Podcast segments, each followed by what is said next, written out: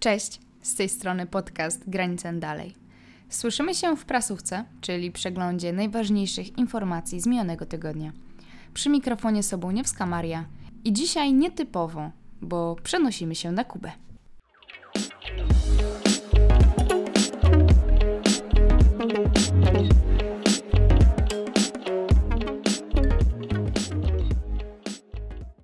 Raul Castro odchodzi. Dla tych, którzy nie wiedzą, Raul Castro to były już szef partii na Kubie. 90-letni polityk w poprzedni piątek po raz ostatni poprowadził kongres partii komunistycznej. Jego rezygnacja to ostateczny koniec ery braci Castro. Przekazuję przywództwo wszechpotężnej kubańskiej partii komunistycznej młodszemu pokoleniu, które jest pełne pasji i przepojone antyimperialistycznym duchem. Takimi słowami żegnał się Castro. W poniedziałek na kongresie Partii Komunistycznej Kuby wybrano nowego pierwszego sekretarza, czyli de facto przywódcę kraju. Po raz pierwszy od sześciu dekad, czyli od czasu powstania partii w 1965 roku, nie będzie nim żaden z braci Castro. Nowym liderem partii komunistycznej został Miguel Díaz-Canel, to duża zmiana, bo polityk nie należy do tak zwanego historycznego pokolenia, które obaliło dyktaturę Batisty.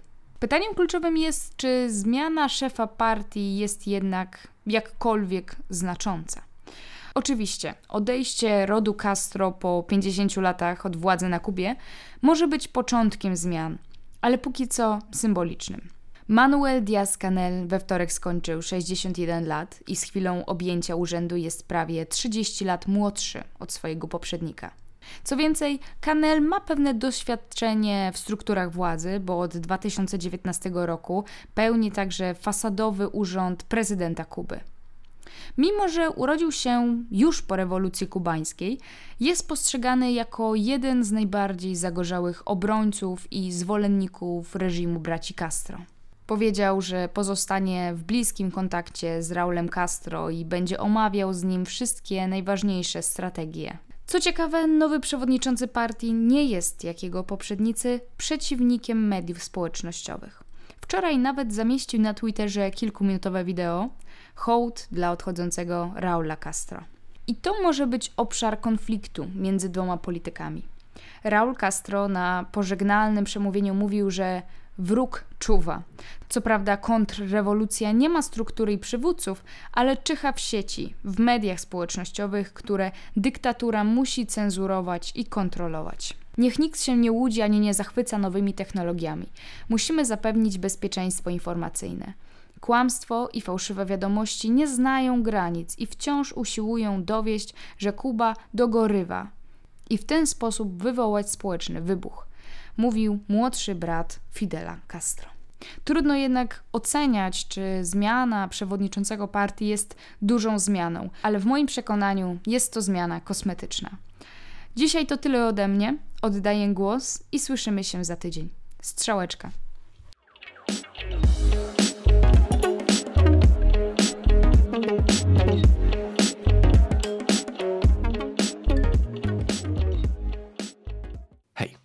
Tej strony Wiktor Samek. Spójrzmy, co ciekawego działo się w tym tygodniu na Bliskim Wschodzie. Długo zastanawiałem się nad tym, na czym skupić się w dzisiejszym odcinku. I wydaje mi się, że zaczynałem tak moją pracówkę również tydzień temu, ale faktem jest, że ostatnimi czasy dzieje się na Bliskim Wschodzie dużo. Aż za dużo, jak na siły przerobowe jednego skromnego studenta politologii. Ostatecznie zdecydowałem się na Afganistan, bo mimo, że nie jestem fanem patrzenia na region wyłącznie przez pryzmat Stanów Zjednoczonych i denerwuje mnie trochę dość popularny trend, żeby każda rozmowa na ten temat ostatecznie zmieniała się w analizę wewnętrznych spięć i układzików w Białym Domu, to w tym tygodniu po prostu nie da się tego uniknąć. Bo wszystko wskazuje na to, że już niedługo będziemy Amerykanów wspominać nieco rzadziej. Ponieważ najdłuższa, trwająca od 2001 roku amerykańska wojna właśnie dobiega końca.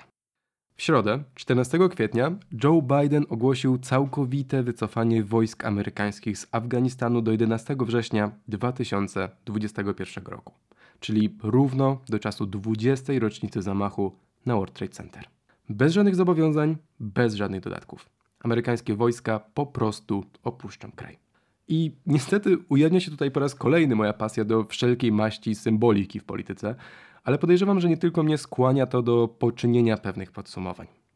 20 lat globalnej wojny z terroryzmem. Interwencje w Afganistanie, Iraku, walki z Al-Kaidą i Daesh. Setki tysięcy ofiar w niezliczonych konfliktach. Walka z islamskim radykalizmem, ale też z biedą, wykluczeniem, nierównościami, ogromne projekty budowania demokracji, a czasem wręcz państwowości.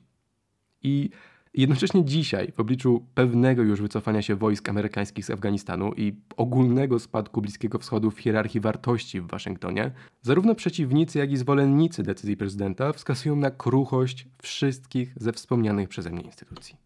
Weźmy taką z trudem budowaną afgańską państwowość, którą jeszcze niedawno waszyngtońskie jastrzębie mogły przedstawiać kolejnym amerykańskim prezydentom, politykom i samym Amerykanom jako ogromną inwestycję na przyszłość. Dzisiaj zastanawiamy się, jak długo owa państwowość zdoła się utrzymać przy braku pomocy ze strony Amerykanów, sprowadzając jej pozycję do rangi organu zarządzającego w zasadzie jedynie Kabulem i okolicami. Z kolei wskazywana nie bez powodu jako jeden z największych sukcesów interwencji emancypacja afgańskich kobiet, przy czym no, trzeba zaznaczyć, że na pewno nie jest to dzieło dokończone, ginie gdzieś pod proroctwami szybkiego powrotu talibów i zastąpienia podręczników Koranem, oczywiście już przy wyproszonych z sal lekcyjnych dziewczynkach. Pojawia się więc wiele pytań, często wykraczających poza wygodne ramy czysto naukowego dyskursu.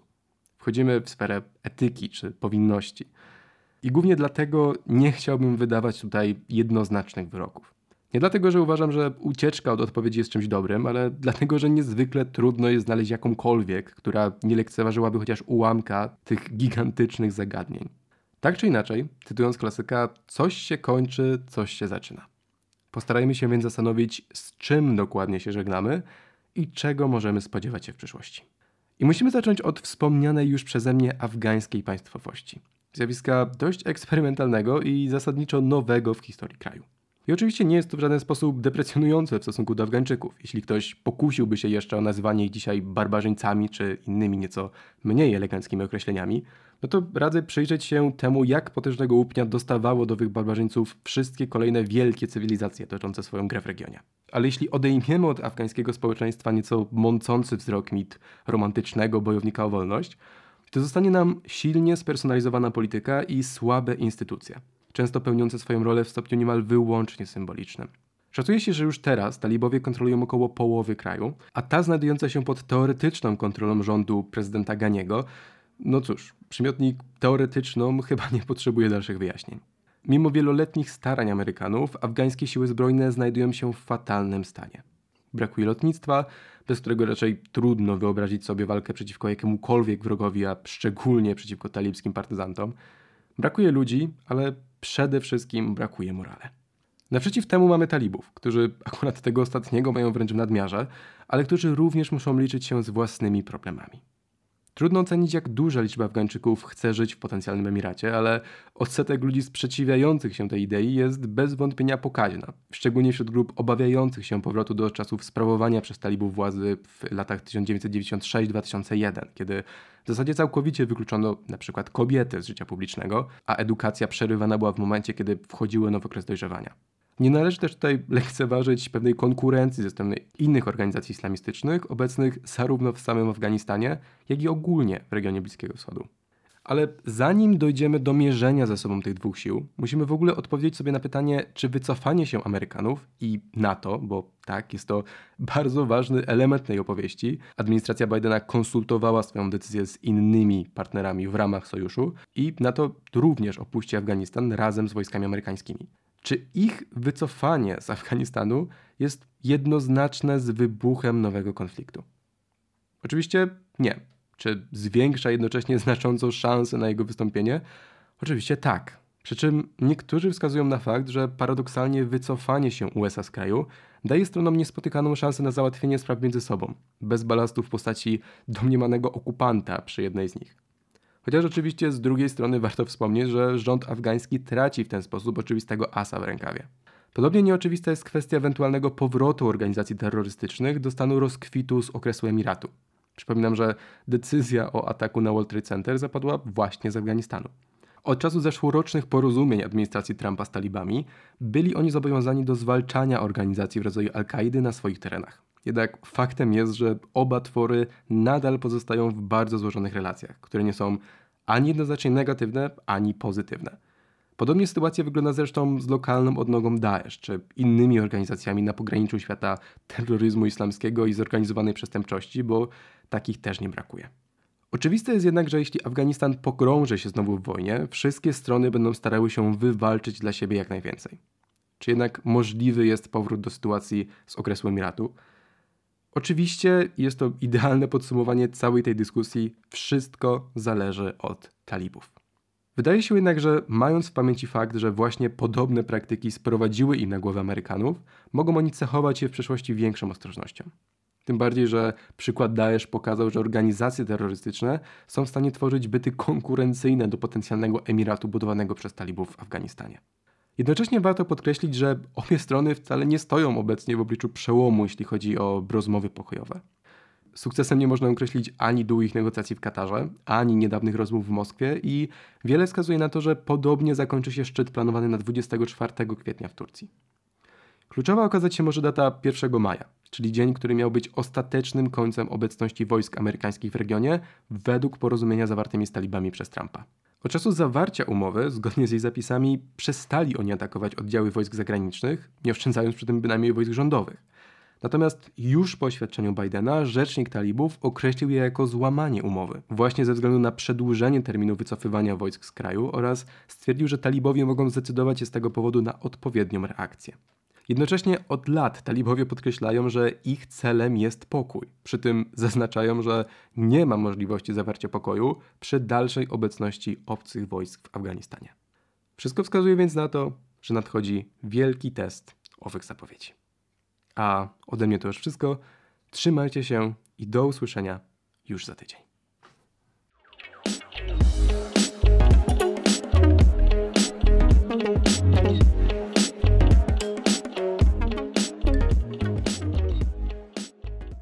18 kwietnia, czyli w sobotę, zapadła decyzja czeskiego MSZ, by wydalić z państwa 18 pracowników rosyjskiej ambasady w Pradze.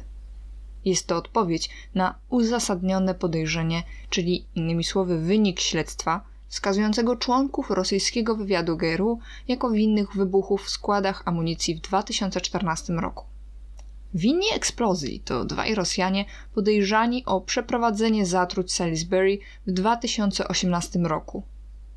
Rosyjski rząd stwierdził, że roszczenia są bezpodstawne i absurdalne.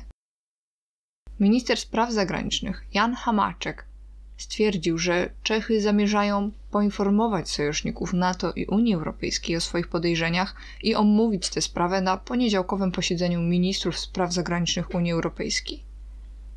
Z kolei Ministerstwo Spraw Zagranicznych Rosji oświadczyło, że podejmie działania odwetowe, które zmuszą autorów tej prowokacji do pełnego zrozumienia ich odpowiedzialności za zniszczenie podstaw normalnych więzi między krajami. Wytłumaczmy jednak, o czym w ogóle mówimy. 16 października 2014 roku ogromny wybuch rozerwał magazyn amunicji w lesie w Czechach, powodując straty w okolicy. Ponad miesiąc później znaleziono szczątki dwóch mężczyzn w wieku 56 i 69 lat pracujących na miejscu. Przypuszczano, że wybuch był wypadkiem. Po pewnym czasie praca detektywistyczna czeskich władz wskazała na Moskwę i pewną jednostkę GRU. W następstwie zatrucia w Salisbury europejskie służby bezpieczeństwa badały szereg wcześniej niewyjaśnionych wydarzeń a dla czeskiej policji był to m.in. wybuch w październiku 2014 roku. Kluczowym odkryciem był e-mail wysłany do Imex Group, firmy, która zarządzała magazynem. Nadawca twierdził, że pochodzi z Gwardii Narodowej Tadżykistanu i prosił o udostępnienie miejsca na wizytę kontrolną dwóm mężczyznom. Skany ich paszportów zostały załączone do wiadomości. Zdjęcia w paszportach pasują do zdjęć dwóch mężczyzn oskarżonych przez Wielką Brytanię o zatrucie w Salisbury. Mężczyźni ci w 2018 roku zostali rozpoznani przez Metropolitan Police jako podejrzeni o nałożenie nowiczoka na klamce drzwi domu byłego oficera GRU Sergeja Skrypala. 11 października 2014 roku mężczyźni przybyli na lotnisko w Pradze przy użyciu tych samych dokumentów tożsamości, których używali w Salisbury. Przebywali w Pradze przez dwa dni, a 13 października zarezerwowali zakwaterowanie w Ostrawie, w pobliżu składu amunicji. Zarezerwowano im pobyt do 17 października. Eksplozja miała miejsce 16 i tego samego dnia para udała się na lotnisko w Wiedniu, aby polecieć do Moskwy. Wydaje się, że władze nie wiedzą dokładnie, w jaki sposób wysadzono skład. Dlaczego rosyjski wywiad miałby wysadzać skład broni? Jedna z osób przechowujących tam broń miała bułgarski kontrakt na broń i był to Emilian Gebrew. Sześć miesięcy po wybuchu w Czechach Gebrew poważnie zachorował w bułgarskiej stolicy. Po miesiącu pobytu w szpitalu został zwolniony. Pomimo podejrzeń, władze bułgarskie założyły, że było to po prostu zatrucie pokarmowe. Dopiero po wydarzeniach w Salisbury w 2018 roku zwrócono na sytuację większą uwagę. Gebrew naraził się władzom Rosji, dostarczając broń do wielu krajów wbrew jej woli. Prawdopodobnie też do Ukrainy i innych krajów konkurujących z dostawcami rosyjskimi, w tym do Azji. Jedna umowa biznesowa mogła też doprowadzić go do bezpośredniego konfliktu z potężnymi rosyjskimi biznesmenami powiązanymi z GRU. Eksplozja w czeskiej bazie w październiku 2014 roku mogła być pierwszą próbą zaszkodzenia firmie Gebrew lub wydaniem ostrzeżenia. Czescy ministrowie wskazali konkretnie jedną jednostkę. Uczestnicy europejskiego wywiadu twierdzą, że jej misją jest sabotaż, działalność wywrotowa i zabójstwa. Uważają, że liczy około 200 osób, ale tylko około 20 jest zaangażowanych w prowadzenie operacji z pozostałym personelem pomocniczym. Oprócz sprawy w Salisbury, sprawy w Bułgarii, a także wybuchu w Czechach, jednostka została powiązana z innymi operacjami, także z próbą zamachu stanu w Czarnogórze w 2016 roku. Wiele krajów europejskich bada teraz przeszłe podróże tych agentów, aby sprawdzić, czy mają one związek z podejrzanymi wydarzeniami. Cała sytuacja pokazuje, jak duże znaczenie ma europejska współpraca, jeżeli Europa ma się mierzyć z zewnętrznym wywiadem. Czy zdecydowana postawa Czech to zwiastun nowej postawy w ramach długofalowego reagowania na politykę Rosji? Kolejne skandale szpiegowskie w państwach europejskich, w których stałym elementem jest udział GRU, pokazują skalę rosnącego problemu, jakim jest zwiększona presja wywiadowcza Moskwy. Kreml jest w stanie zaakceptować nawet najwyższe ryzyko, jeśli chodzi o przeprowadzenie tajnych operacji. Rzeczniczka MSZ Rosji stwierdziła w niedzielę, że Czechy poprzez wydalenie dyplomatów chciały odciągnąć uwagę Rosji od zamachu w Mińsku. Sprawę jednak wyjaśni Edward w następnej części prasówki.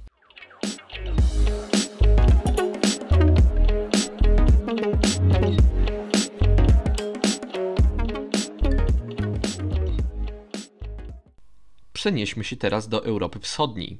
17 kwietnia Łukaszenka oświadczył, że w Moskwie zatrzymano spiskowców, którzy planowali zamach na niego i jego synów, po czym miało dojść do puczu wojskowego na Białorusi. W tym samym czasie na głównym państwowym kanale telewizyjnym ukazały się nagrania zatrzymania spiskowców z komentarzem głowy KGB. Oni planowali porwanie jednego dziecka, drugiego jak się uda. Chcieli wsadzić je do piwnicy. Przygotowali taką piwnicę w obwodzie homerskim. Potem wykryliśmy działania ewidentnie zagranicznych służb, najprawdopodobniej CIA czy FBI. Wykryliśmy ich zamiary zorganizować zamach na prezydenta i jego dzieci. Nie daj Boże spróbują coś zrobić z dziećmi, nie tylko moimi, ale i waszymi. To będzie straszna rzeź. Rozumiecie? Powstrzymywałem się, rysowałem czerwone linie, Zwlekałem, a teraz będziemy ich dławić z całą siłą, powiedział Łukaszenka. Według słów Łukaszenki i strony rosyjskiej, kwestia zamachu była przedmiotem rozmowy Putina i Bidena. Jako głównych spiskowców Łukaszenka wymienił Juryja Ziankowicza, prawnika, który przez wiele lat mieszka w Stanach Zjednoczonych, Aleksandra Fiadutę, literaturoznawcę, biografa i krytyka Łukaszenki, Ciekawy fakt, Fiaduta robił habilitację na Uniwersytecie Jagiellońskim oraz Rychora Kastusiowa, głowę opozycyjnej partii politycznej. W telewizji od razu po oświadczeniu Łukaszenki ukazał się film z nagraniami, na których spiskowcy e, omawiają plany zamachu stanu, eliminacja Łukaszenki, blokada OMON-u, zajęcie budynków administracyjnych, telewizji, radia. Zamach według strony białoruskiej miał się odbyć w czerwcu lub lipcu tego roku, natomiast rosyjskie FSB oświadczyło, że zamach planowano przeprowadzić 9 maja, w dniu zwycięstwa. Strona rosyjska także połączyła te wydarzenia z wydaleniem dyplomatów rosyjskich z Czech, co jakoby miało odciągnąć uwagę Rosji od planowanego zamachu stanu na Białorusi. Wszyscy trzej spiskowcy obecnie znajdują się w więzieniu KGB w Mińsku. Cała historia z zamachem stanu, planowanym przez prawnika, historyka literatury i działacza partyjnego, raczej nie przekonała społeczeństwo białoruskie, po części też przez liczne różnice w narracji poszczególnych podmiotów tej historii. Tak na przykład Łukaszenka powiedział, że zamachowcy chcieli porwać jego synów, a telewizja państwowa, że chcieli ich zabić. Rosyjskie FSB oświadczyło, że zamach e, był planowany na 9 maja i mieli w nim uczestniczyć białoruscy i ukraińscy nacjonaliści, ale media białoruskie o tym nie wspominały i mówiły o planach na czerwiec-lipiec. FSB także twierdzi, że chciano przeprowadzić zamach wojskowy według scenariusza kolorowych rewolucji, ale kolorowe rewolucje polegały na pokojowych protestach, a nie wojskowych zamachach. Też nie do końca jest jasne, dlaczego FBI miałoby się zajmować sprawami zewnętrznymi z punktu widzenia Stanów Zjednoczonych i na podstawie czego stwierdzono powiązania spiskowców ze Stanami Zjednoczonymi. Dlatego, że jeden z nich miał amerykańskie obywatelstwo? Pytań pozostaje bardzo dużo, ale z pewnością możemy powiedzieć, że historia z zamachem stanu jest preludium do kolejnej fali represji wobec opozycji na Białorusi sporadyczne protesty na Białorusi wciąż trwają. Stany Zjednoczone i Unia Europejska zadeklarowały, że przygotowują się do wprowadzenia kolejnych sankcji wobec Białorusi. Stany Zjednoczone wznawiają sankcje wobec przedsiębiorstw sektora petrochemicznego, natomiast Unia Europejska przygotowuje kolejny pakiet sankcji wobec urzędników i przedsiębiorstw wspierających represje na Białorusi ambasadorka Stanów Zjednoczonych do tej pory nie przyjechała do Mińska, gdyż nie wydano jej wizy. Stosunki ukraińsko-rosyjskie też układają się nie najlepiej. 16 kwietnia w Petersburgu FSB zatrzymało konsula ukraińskiego, jak twierdzi służba, podczas otrzymywania od obywatela Rosji poufnej informacji z baz danych struktur siłowych, w tym FSB będziemy dalej przyglądać się wydarzeniom w Europie Wschodniej.